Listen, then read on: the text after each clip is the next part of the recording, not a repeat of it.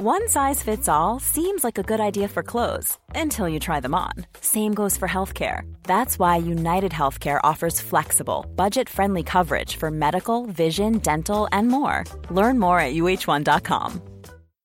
Millions of people have lost weight with personalized plans from Noom, like Evan, who can't stand salads and still lost 50 pounds. Salads, generally, for most people, are the easy button, right?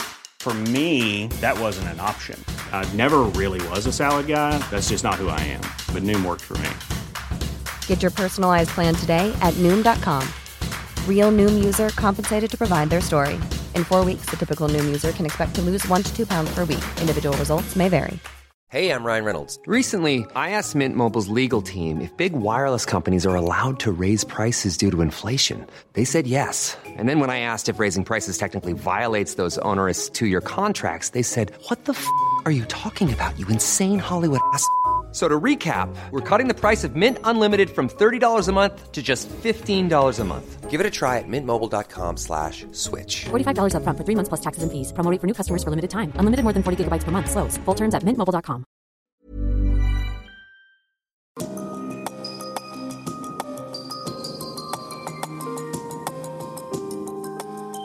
Du lytter til podkast fra Oslo Militære Samfunn. Besøk vår hjemmeside oslomildsamfunn.no, og se oss også på Facebook, Twitter og LinkedIn.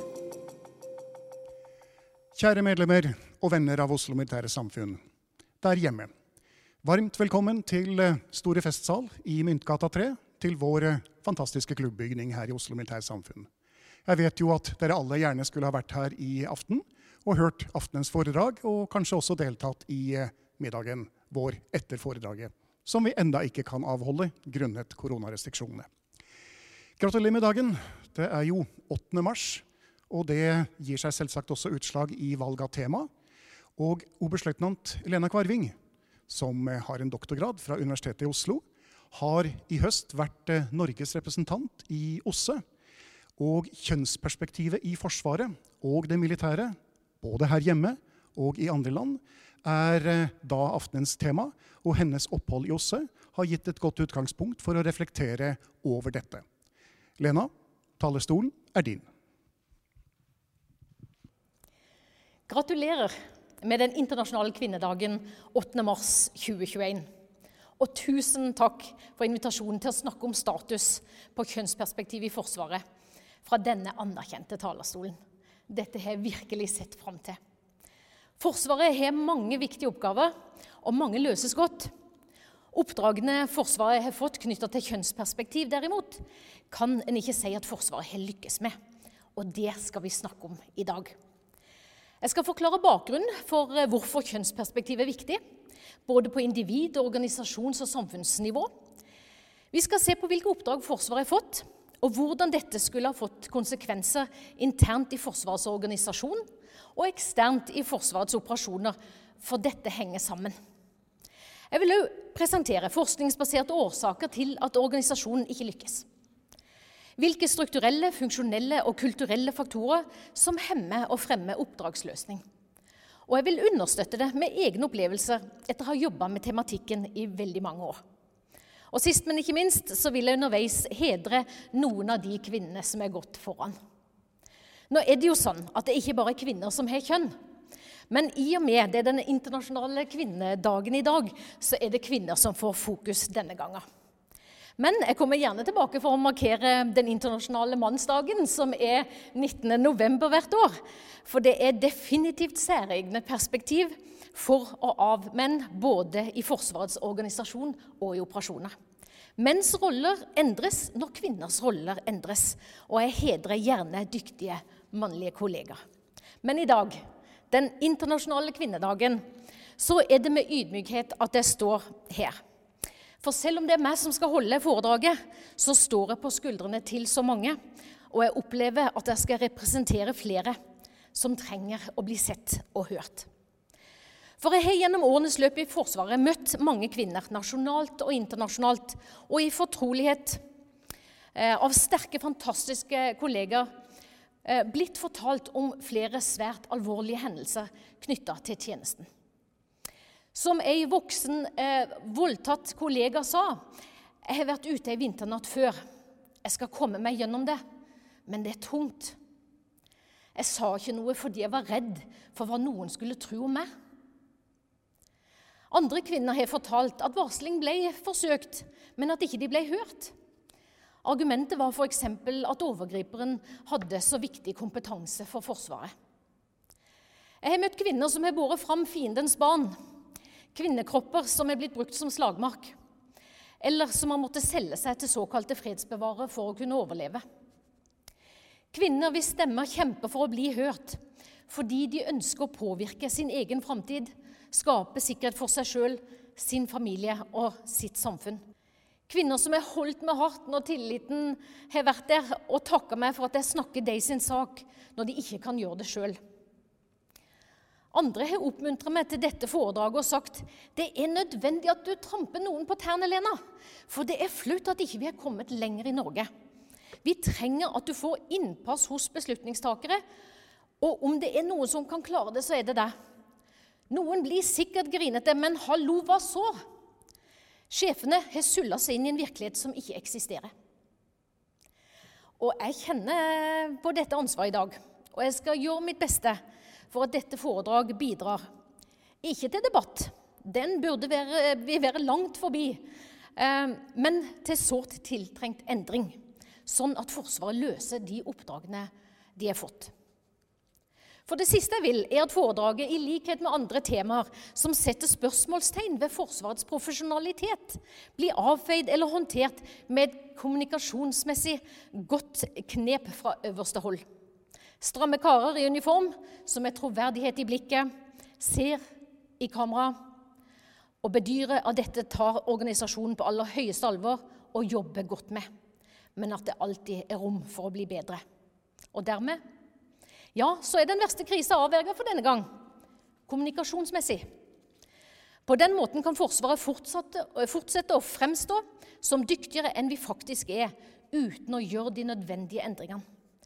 Det holder fram til neste sak, til neste undersøkelse, til neste overgrep.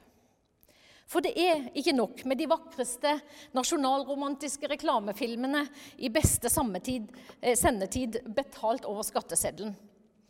Forsvarets ledelse må ha mot nok til å se utfordringene vi har i Kvitøyet, vise respekt for de som har betalt prisen eh, når Forsvaret ikke har løst oppdragene sine, og ta ansvar for å gjøre det som er riktig selv når det koster, og selv om det gjør vondt. For vi blir ikke gode av å si vi er gode.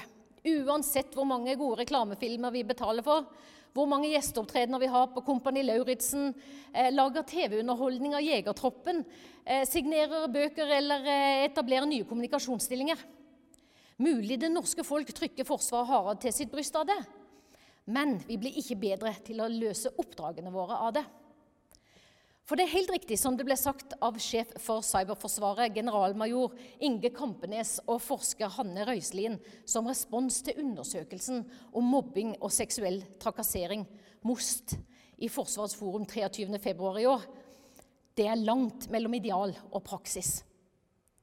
Mitt mål er derfor at det ikke bare er medlemmer av Oslo Militære Samfunn som blir informert om status på kjønnsperspektiv i Forsvaret i dag, men at Forsvaret som organisasjon kan finne motivasjon til å bevege seg eh, lengre bort fra det en kan oppfatte som 'image is everything'-tankegang.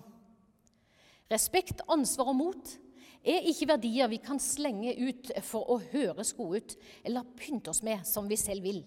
Vi må fortjene dem. Vi må fylle dem med innhold og vise at vi er de verdige. Det er jo derfor mange av oss eh, tjenestegjør. Fordi vi ønsker å være en del av noe som er større enn oss sjøl. For å beskytte og fremme våre verdier, som likeverd, menneskerettigheter, demokrati og en fungerende rettsstat for alle. La meg derfor bruke denne anledninga innledningsvis nå til kort å vise dere et eksempel på en offiser som er fylt respekt, ansvar og mot med mening. Hun heter Britt Brestrup og er pensjonert oberst. Hun viste respekt for det motstandskvinner som eh, Solveig Lystad eh, ofra i kampen for vår frihet.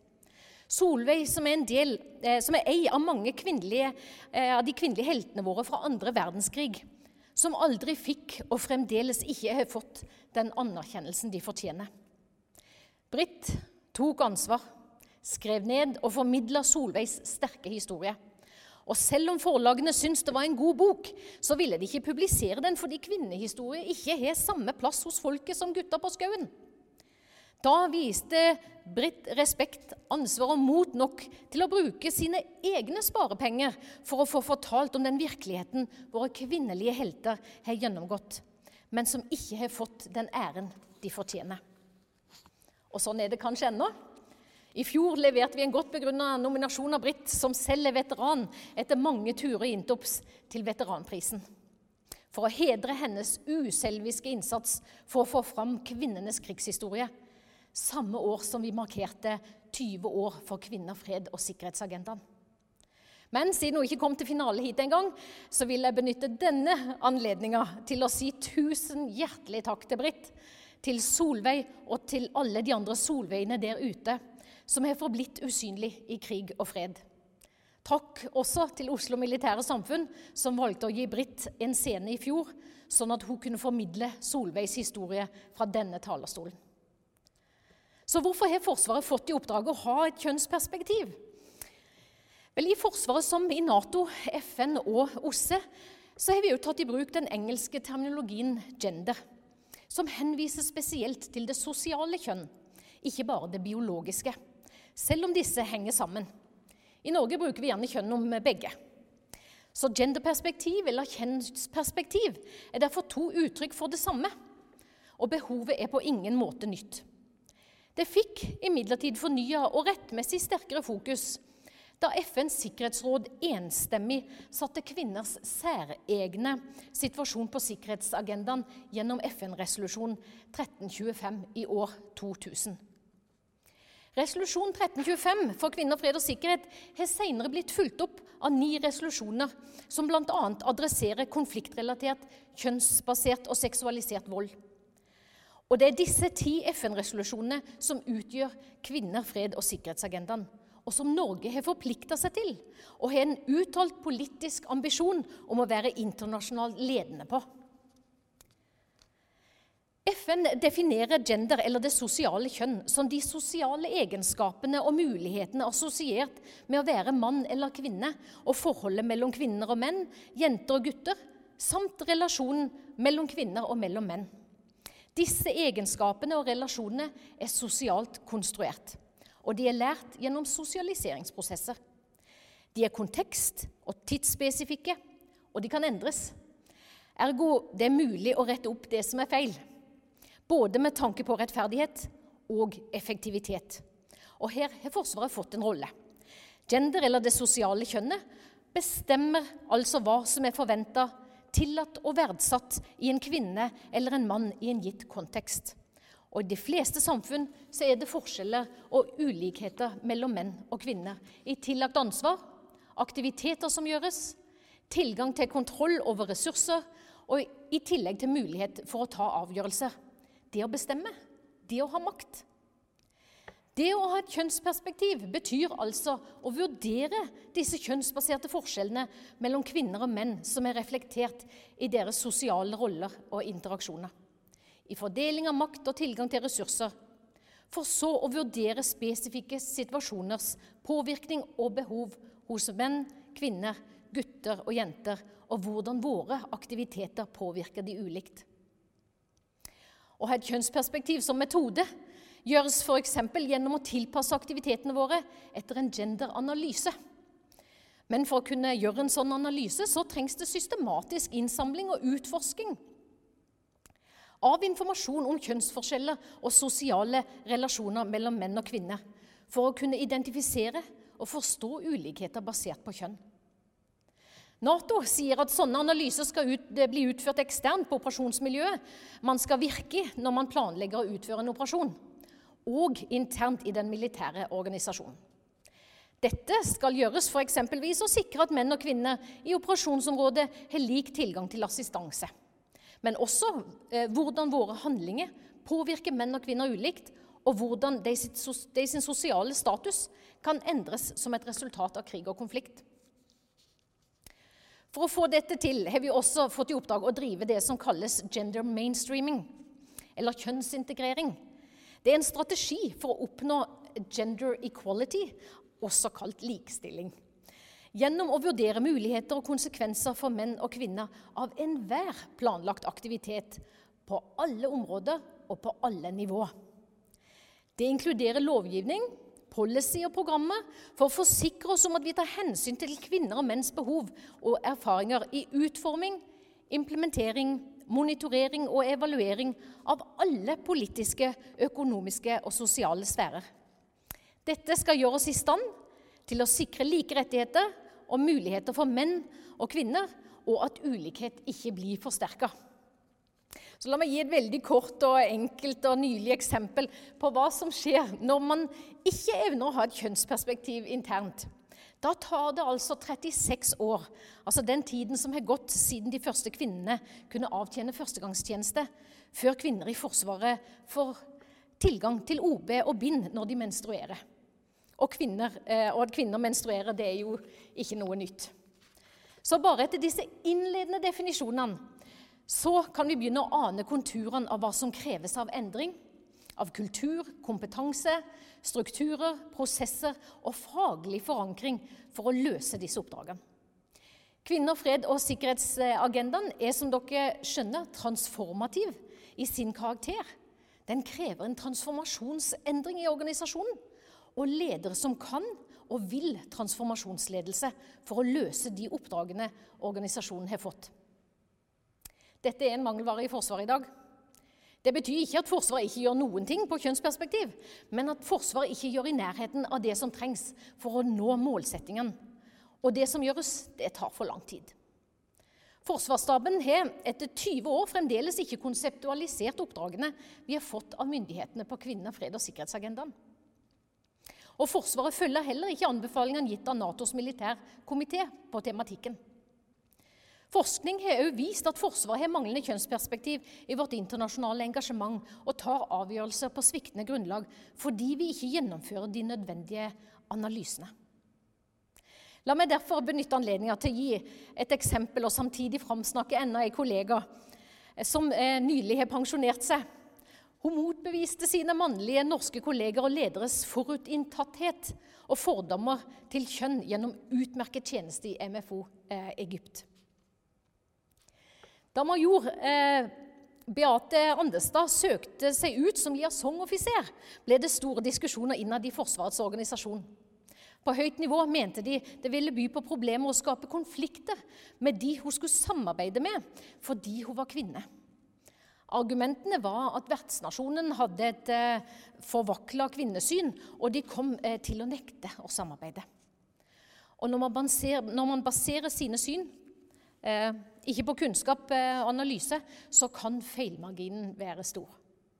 For egypterne selv de valgte å ta imot Beate, ønske henne velkommen og gi henne en sjanse. Det ble et utmerket samarbeid. Konklusjonen til Landestad var at fordommene var sterkest i Norge. Noe som også gjorde at de forsøkte å påvirke hvem som skulle få stillinga, selv om hun var best kvalifisert. Og dette var etter at vi hadde fått i oppdrag med bakgrunn i kvinner, fred og sikkerhetsagendaen å sende flere kvinner i Intops for å bidra til å kunne nå målene med agendaen. Andestad var med dette med å bidra til å åpne dørene for flere kvinner. Noe hun for øvrig har gjort hele sin karriere. Takk, Beate. Men tilbake til oppdragene Forsvaret har fått. Norges fire interdepartementale nasjonale handlingsplaner, inkludert Forsvarsdepartementet for kvinner, fred og sikkerhetsagendaen, har forplikta Forsvaret til mange mål og aktiviteter. I tillegg har Forsvaret fått flere og mer detaljerte oppdrag i styrende oppdragsdokumenter. Oppdragene treffer på alle nivå og fagfelt, som HR, utdanning og i den operative søyla.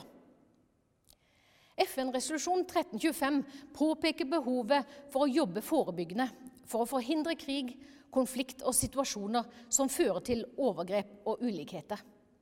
Den presiserte også behov for å drive aktiv beskyttelse. Og i lys av konflikters endrede natur, som flere terrorangrep, Teknologi, automatisering, strid og krigshandlinger i tettbefolkede strøk, voldelig ekstremisme, mange mennesker på flukt osv. Men også oppdrag knytta til katastrofer og kriser. Forsvaret som i større grad skal drive beredskapsstøtte til andre aktører i samfunnet, som i en pandemi. Så må aktører eh, drive beskyttelse spesielt overfor grupper som er mer sårbare. For vi vet jo at krise og konflikt også forsterker forskjeller.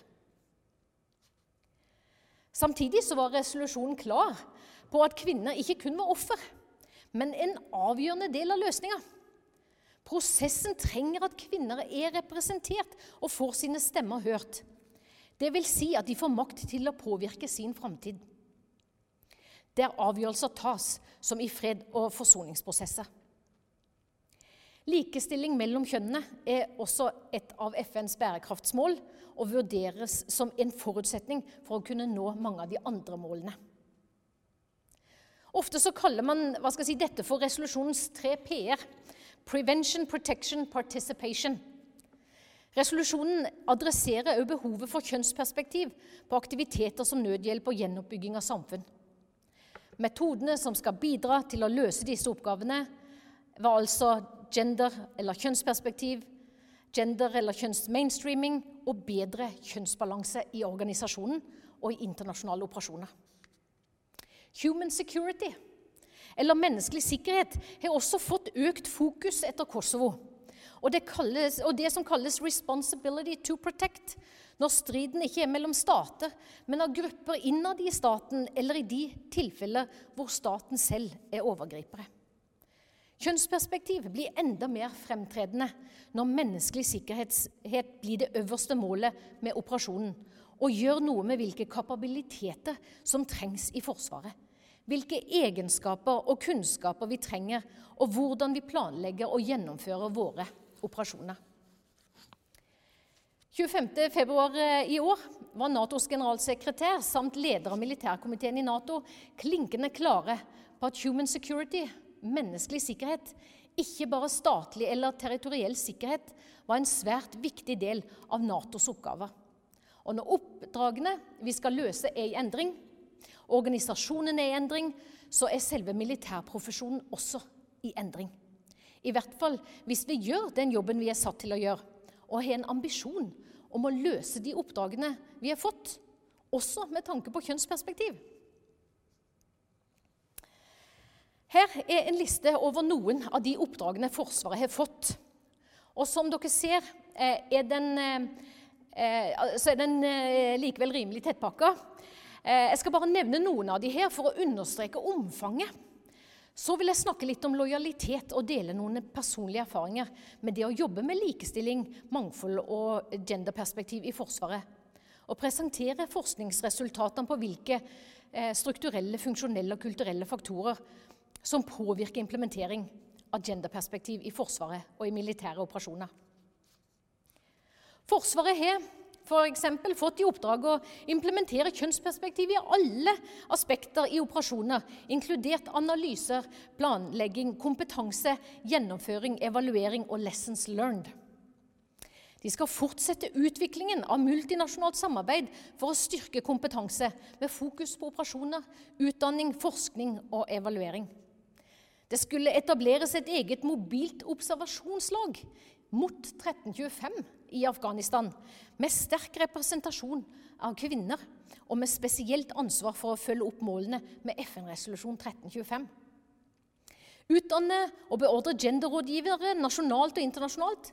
Vi skulle rekruttere og beholde flere kvinner i Forsvaret. Vi skulle inkorporere kjønnsperspektiv i nasjonal og internasjonal innsats i mandater og dokumenthierarki. Etablere og senere videreutvikle og styrke et fagmiljø ved Forsvarets høgskole på kjønnsperspektiv, samt drive systematisk genderkompetansebygging av alt personell. Vi skulle skape synergier mellom utdanning, doktriner, forskning og operasjoner. Drive operasjonsspesifikk trening og ha genderperspektiv i alle øvelser. Vi skulle styrke lokale kvinners sikkerhet og deltakelse i operasjoner. Vi skulle utvikle retningslinjer for militært personell for å respondere på seksualisert og kjønnsbasert vold. Vi skulle utvikle og implementere et pionerrapporteringssystem på gender. Kvinner, fred og sikkerhetsagendaen. Utvikle et belønningssystem for lederprestasjoner knyttet til kjønn. Og implementering av FN-resolusjon 1325. Vi skulle òg implementere Nato-direktiver på gender. Integrere genderperspektiv med mentorering og utdanning av sikkerhetsstyrker. Og lage en helhetlig implementeringsplan for alle disse oppgavene. Hey, I'm Ryan Reynolds. Recently, I asked Mint Mobile's legal team if big wireless companies are allowed to raise prices due to inflation. They said yes. And then when I asked if raising prices technically violates those onerous two year contracts, they said, What the f are you talking about, you insane Hollywood ass? So to recap, we're cutting the price of Mint Unlimited from $30 a month to just $15 a month. Give it a try at mintmobile.com slash switch. $45 upfront for three months plus taxes and fees. Promo for new customers for limited time. Unlimited more than 40 gigabytes per month. Slows. Full terms at mintmobile.com. Millions of people have lost weight with personalized plans from Noom. Like Evan, who can't stand salads and still lost 50 pounds. Salads, generally, for most people, are the easy button, right? For me, that wasn't an option. I never really was a salad guy. That's just not who I am. But Noom worked for me. Get your personalized plan today at Noom.com. Real Noom user compensated to provide their story. In four weeks, the typical Noom user can expect to lose one to two pounds per week. Individual results may vary. Min erfaring og forskning tilsier at de fleste lederne i Forsvaret ikke engang er klar over alle oppgavene Forsvaret har fått på kvinner, fred og sikkerhetsagendaen. I og med en helhetlig plan ikke er laga og oppdragene ikke er formidla videre fra Forsvarsstaben, men bare gitt generelt i styringsdokumenter som 'implementer kvinner, fred og sikkerhetsagendaen', uten engang å, å spesifisere hva målene er, hva ambisjonen er, og hva dette betyr og krever av organisasjonen. Dette gjøres selv om Forsvarsstaben er klar over at diffene ikke har kompetanse på tematikken. Selv om erfaringen tilsier at denne måten å gi oppdragene knyttet til kvinner, fred og sikkerhet på ikke fungerer. Og selv om de ikke har en plan for hvordan de skal holde diffene ansvarlig for gjennomføring. Dette viser også svakheten ved det Forsvaret kaller intensjonsbasert ledelse. Organisasjonsteoretikerne sier følgende om hva som trengs av transformasjonsledere om de skal lykkes med å skape psykologisk trygghet for transformasjonsendring og endring av organisasjonskultur. Og Da er det viktig å presisere at endring av kultur ikke kan delegeres. Og det er noe som må jobbes med daglig. Man må starte med et kulturelt kart over organisasjonen. Det er jo ikke én kultur i Forsvaret, men også mange subkulturer. Men man må vite om det er særtrekk som gjør at oppdragsløsninger kan gå lettere eller gjøre det vanskeligere, og derfor må adresseres spesielt. En må ta strategiske valg og gjøre de nødvendige strukturelle endringene og funksjonelle eller prosessuelle endringene som støtter oppdraget og er i takt med den nye måten å tenke og arbeide på. Man må ha både makt og ekspertise man må sørge for at de som skal lære, er involvert i prosessen for å fremme forståelse og motivere for endring. Man må også skape formelle og uformelle treningsarenaer av relevante grupper og team, hvor utfordringer kan bli lufta og diskutert. Man må ha positive rollemodeller og skape et nettverk av endringsagenter i organisasjonen. Man må revidere personellpolicy og ha et tydelig belønnings- og disiplinærsystem for å fremme endringer. Sist, men ikke minst, så må man monitorere og videreutvikle denne organisasjonskulturen. Forskningen på hvilke faktorer som påvirker hvordan Forsvaret løser oppdragene sine knytta til eh, kjønnsperspektiv og kvinner, fred og sikkerhetsagendaen, viser at Forsvaret svikter på flere av disse. Strukturelt så har Forsvaret stort sett tatt i bruk midlertidige stillinger, prosjektstillinger eller tillagt Eh, en genderrådgiverfunksjon til andre stillinger som en ekstra oppgave. Brestrup-utvalget foreslo imidlertid allerede i 2007, for 14 år siden, at det burde opprettes et eget kontor ledet av en oberst som skulle ha en funksjon som både motivator, vaktbikkje og initiativtaker på kjønnstematikk. Etter noen år ble det oppretta én prosjektstilling i Forsvarsstaben HR på oberstnivå. Denne ble etter prosjektperioden nedjustert til oberstløytnant i den faste strukturen. Og stillingen er nå foreslått å bli sivil i det nye KKT-prosjektet. Det sier noe om prioriteten og er et typisk eksempel på å gjøre ting halvveis. Når mine personlige erfaringer i tillegg i denne stillinga eh, er at når jeg etterlyser vilje til å, av, til å ta avgjørelser hos ledelsen, blir fortalt at jeg vel skjønner at stillingen min er noe Forsvaret bare har, fordi man ikke våger å la være. At det ikke er forventet at jeg skal produsere så mye eller stille for mange spørsmål. Så sier det sitt. Noe av det samme kunne man se med tanke på genderprosjektet ved Forsvarets høgskole. Det ble etablert i 2010, hadde fire stillinger noen få år før man la ned prosjektet og mista kompetansen. Noen år senere fant organisasjonen ut at det likevel var behov for noen til å jobbe med oppdragene organisasjonen hadde fått, og ansatte to nye i midlertidige stillinger. I omorganisering av høyskolen ble det plass til én stilling i den nye strukturen som skulle dekke to fagområder kultur og gender i lys av kvinnefred- og sikkerhetsagendaen. Dette er langt fra det organisasjonen hadde fått i oppdrag, hvor man skulle etablere et fagmiljø i strukturen på gender ved Forsvarets høgskole. Og senere styrke og videreutvikle dette fagmiljøet. Og et fagmiljø er mer enn en halv stilling. Funksjonelt var det altså mangel på konseptualisering av oppdragene i Forsvarsstaben. Kjønnsperspektiv ble ikke en naturlig del av, alle analyser, mål, planer og policyer, evaluering og konsekvenser, selv om det noen steder ble diskutert. Det ble ikke utvikla og tatt i bruk et belønnings- og disiplinærsystem for å sikre oppdragsløsning, spesielt hos ledere. Prosedyrene for ansettelser i genderroller var i tillegg tidkrevende eh, og byråkratiske, og noen steder krevde de heller ikke genderkompetanse. Og Endringene ellers mangla i stort en transformativ tilnærming. Og Det var heller ikke fokus på å skape den psykologiske tryggheten for endring slik at de ansatte forsto nødvendigheten av oppdraget og valgte å lære seg noe nytt. Kulturen i organisasjonen viste motstand mot usikkerhet og endring. I tillegg er organisasjonen preget av en hegemonisk maskulin kultur som favoriserer hard sikkerhet, og som motsatt eh, til det kjønnsperspektiv blir vurdert som. Det handler om kommando og kontroll. Det, det, er mangel på det, og den lave maktdistansen gjør at saksbehandlere gjør egne vurderinger og valg om hvilke oppdrag de løser. Rapportene ble derfor også kreative, slik at man framsto som bedre enn man var. Likestilling og kjønnsperspektiv ble av flere latterliggjort. Det som likevel har bidratt til eh, si, positivt påtrykk, eh, er altså eh, de økonomiske bevilgningene fra FD og der organisasjonen har makta å drive kompetansebygging. Mye hviler likevel på individers innsats, eh, nasjonalt og internasjonalt, da lite er institusjonalisert.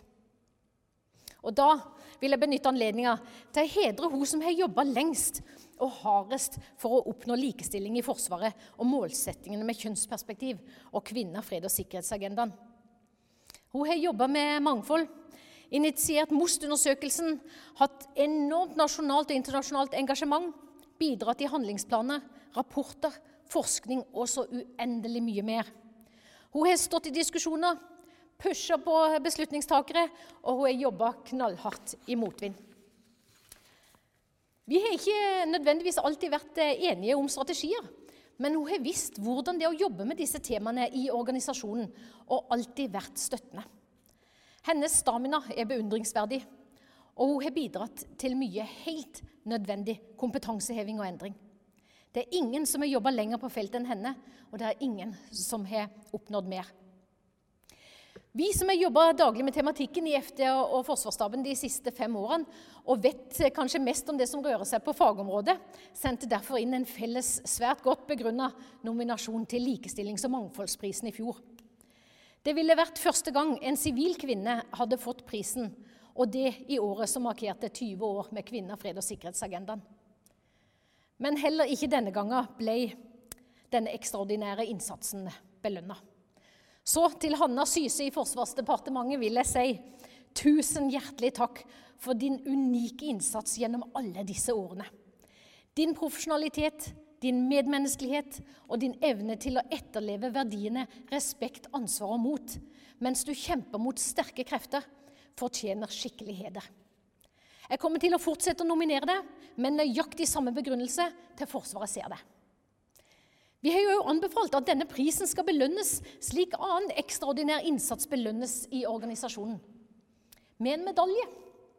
Men Forsvaret har bestemt seg for å fortsette å belønne arbeidet knytta til likestilling, mangfold og gender med en praksis utenom den eksisterende normen. Å jobbe med likestilling, mangfold og kjønnsperspektiv i Forsvaret er som dere muligens allerede skjønner, krevende. Forsvarssjefen eh, har sagt han vil ha lojale, ikke lydige arbeidstakere. Og i dag er jeg definitivt lojal. Lojal mot de demokratiske og juridiske gitte oppdragene Forsvaret har fått. Lojal mot de verdiene Forsvaret er satt til å beskytte og fremme. Og lojal mot, de, eh, mot likeverdet som ligger til grunn for alt arbeid Eh, for likestilling. For alt vi har, og alt vi er.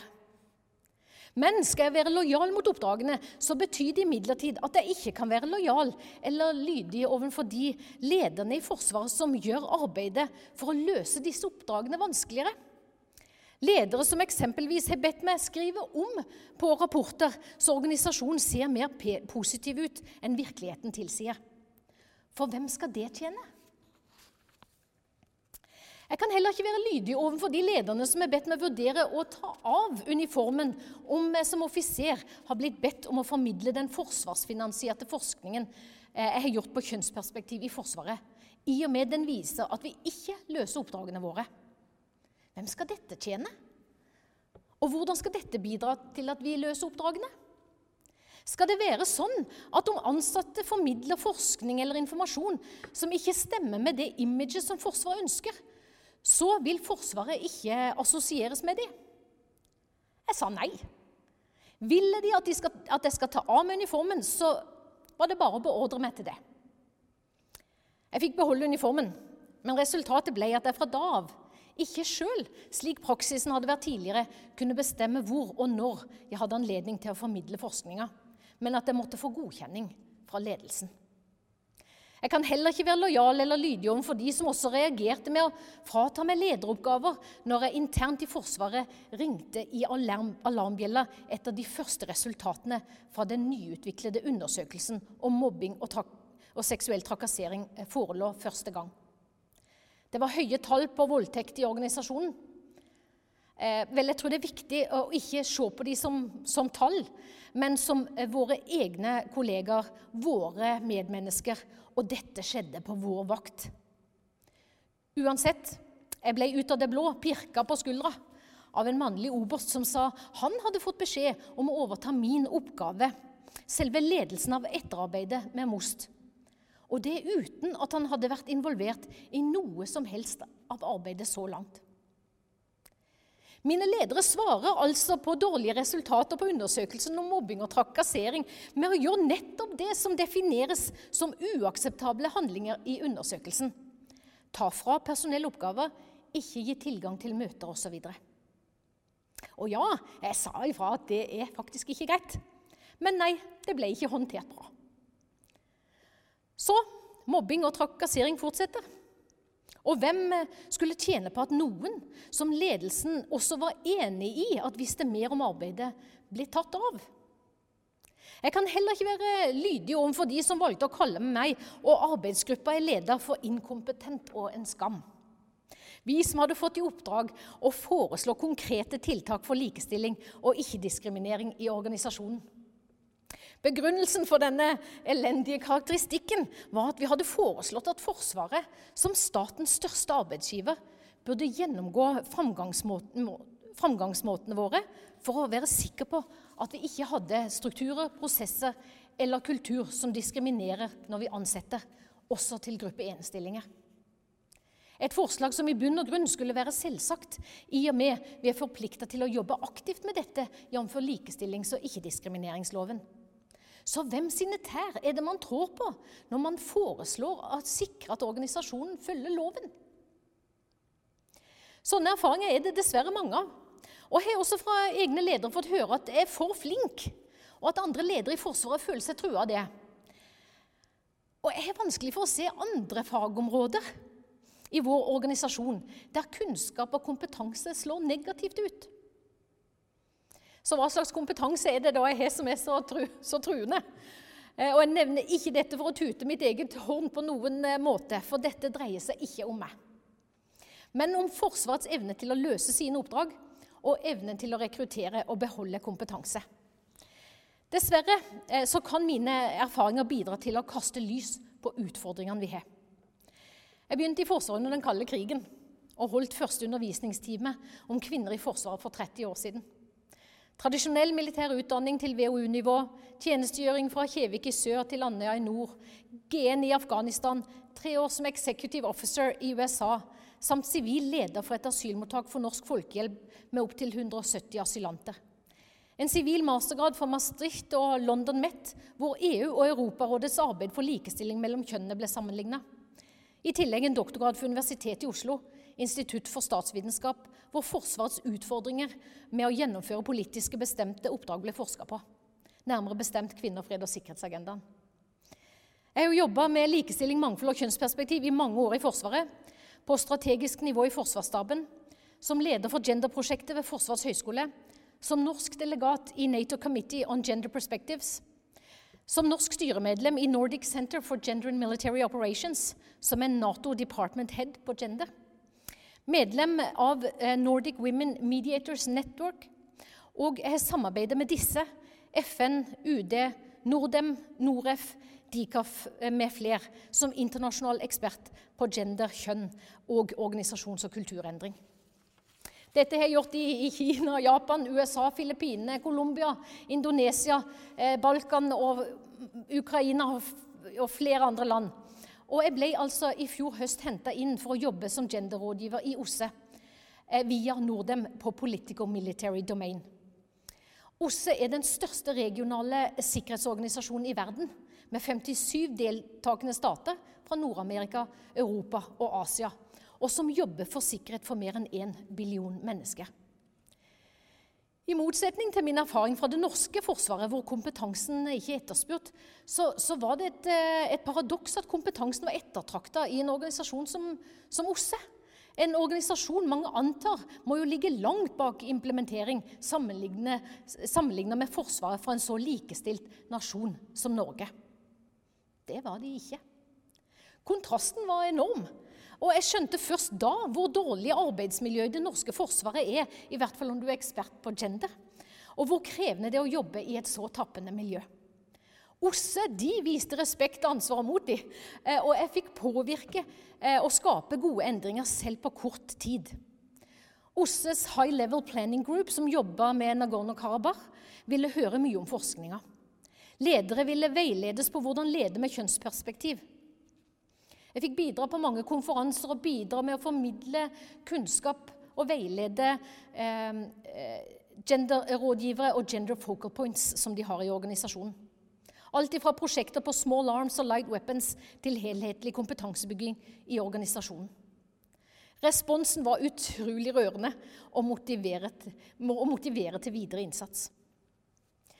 Etter kun tre måneder i OSSE eh, føles det derfor som en utrolig stor ære når OSSE har valgt å fokusere på kvinners lederskap i fredsbygging og konfliktforebygging på årets internasjonale kvinnedag. Og ønsker å anerkjenne innsatsen min som et inspirerende eksempel på kvinners lederskap i OSSE. Sånn ser eh, kampanjen ut, og det oppleves litt surrealistisk. For i det norske forsvaret så er man altså eh, for flink, eller kommer med uhørte forslag til endringer. Eh, blir fratatt oppgaver når alvoret påpekes, eller blir bedt om å skjønnmale rapporter. Så hva sier det om eh, kulturen? Hva skal jeg si, om status på kjønnsperspektiv i Forsvaret? Hva sier det om hvordan Forsvaret ivaretar personellet sitt? Hva sier det om respekt, ansvar og mot? Igjen, det er langt mellom ideal og praksis.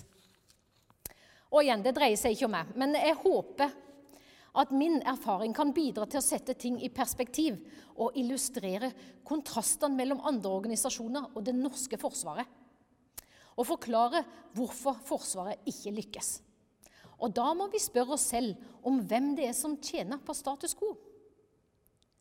Foreløpig har Forsvarets ledere sluppet unna med en form for à la carte-tilnærming til oppdragene. Konsekvensene er det dessverre andre som må bære. I form av manglende trygghet, manglende rettigheter og manglende sikkerhet. Prisen som må betales, kommer også i form av dårlig arbeidsmiljø, mobbing, trakassering, overgrep, diskriminering.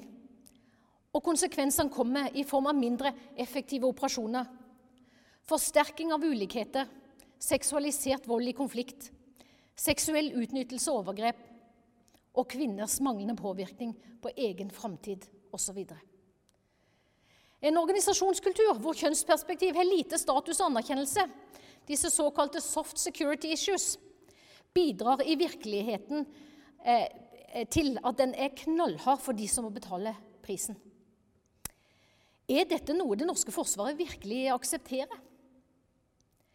Forsvarssjefen sa sågar på fjorårets likestillings- og mangfoldskonferanse at det er mangel på basis, sikkerhets- og personlig utstyr for kvinner eh, som gjør tjeneste i Forsvaret. Han oppfordra organisasjonen til å gjøre noe med dette for å bedre vår operative evne. Men da spør jeg meg når i all verden var det Forsvarets ledelse begynte med å oppfordre noen til å gjøre noe? Dette er grunnleggende rettigheter og krav for å kunne gjøre tjeneste i kongens klær. Og da gir man da ordre og sørger for å kontrollere at oppdraget løses i henhold til krav. Da må man ta fram krigeren som man har i blodet. Bruke potensialet som ligger i embetet. Gi ordre og holde sine underlagte sjefer ansvarlig for å løse oppdraget og ta vare på sitt personell. Likestilling, mangfold, inkludering og kjønnsperspektiv er ikke valgfag i Forsvaret. Men vi vet jo alle at endring er vondt. There is no learning in comfort and no comfort in learning. Var det en kollega i det australske politiet som sa til meg når vi diskuterte kjønnsperspektiv, og den har glatt kopiert, for den beskriver så godt hva som må til. Jeg håper rett og slett at dette foredraget har bidratt til å gjøre noen ukomfortabel. For Forsvaret må våge seg ut i det ukomfortable for å lære. Men det er mulig. Vi må bare ha mot nok. For om Forsvaret skal endres til det bedre, så må man ut av kompetanseblindsoner. Våge å stikke hull på disse behagelige løgnene organisasjonen forteller seg sjøl og andre. Man må riste litt i de med definisjonsmakt i organisasjonen som ikke ønsker å endre sin hegemoniske maskuline kultur. Kanskje fordi de er redde for å miste privilegier, eller føler sin identitet eller kunnskap, kunnskap trua, eller rett og slett ikke vil ut av komfortsona si. 20 år altså etter FN-resolusjon 1325 om kvinner, fred og sikkerhet ble enstemmig vedtatt i Sikkerhetsrådet, er Forsvaret langt unna å løse oppdragene sine og være internasjonalt ledende på tematikken. Sånn den politiske ambisjonen har vært disse 20 årene. Og Er det nå sånn at du som hører på dette foredraget, ikke kjenner deg igjen, og det er ikke bare det som er lite observant, så vær takknemlig og glad for det. Men velg å jobbe for at andre også skal få ha det sånn. For noen betaler prisen for at ikke vi løser oppdragene våre. Og når 45 av våre kolleger i fjor potensielt ble utsatt for en kriminell handling av en, en, av en av våre egne, så må alle ta ansvar. Ta vare på hverandre. Vi er bedre sammen.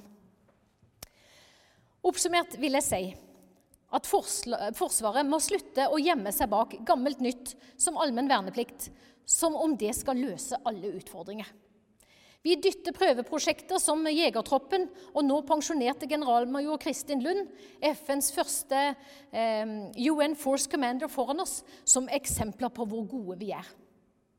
Dette blir symbolikk, ikke reell endring i organisasjonen.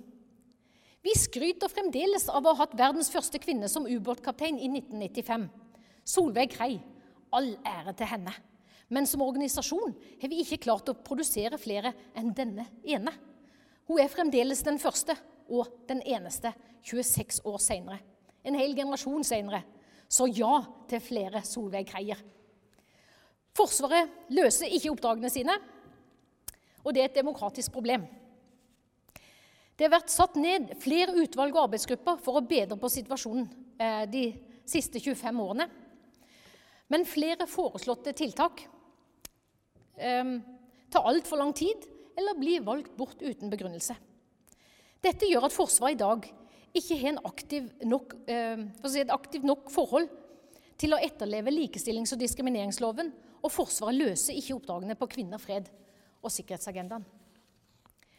Genderperspektiv er på mange måter en kompetanseblindsone for Forsvaret. Og ved å velge bort oppdrag på kjønn, så lever man videre i uvitenhetens bliss. I Forsvaret så sier vi at eh, alle er soldater, og det tror jeg er en fin tanke bak.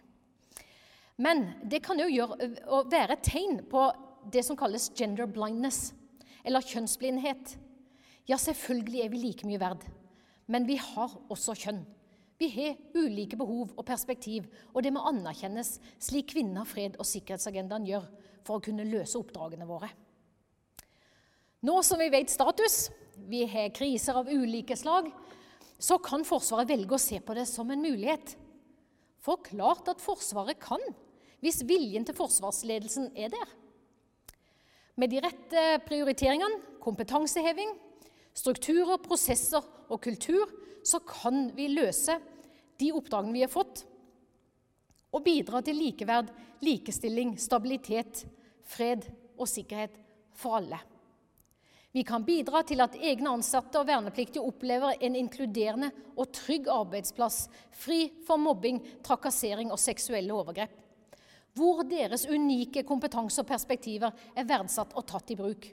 Det må bli en del av vår identitet. Gjennom å være gode internt i organisasjonen kan vi også bidra positivt i operasjoner hjemme og ute.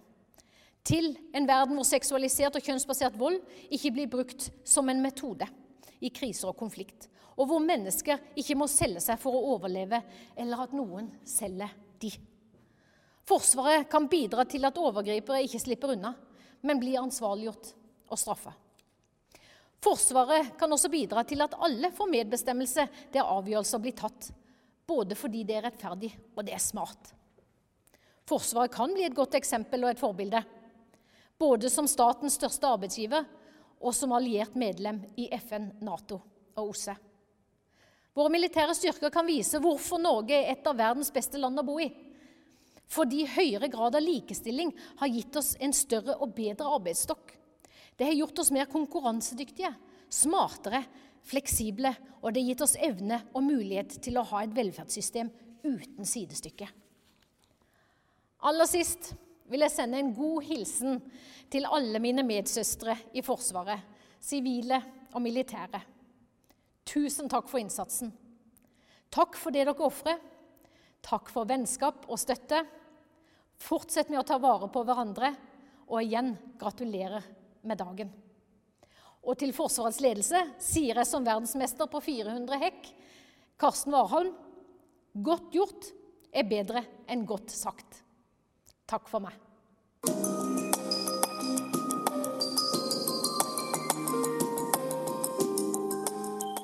Du har hørt podkast fra Oslo Militære Samfunn. Besøk vår hjemmeside oslomildsamfunn.no, og besøk oss gjerne på sosiale medier som Facebook, Twitter og LinkedIn.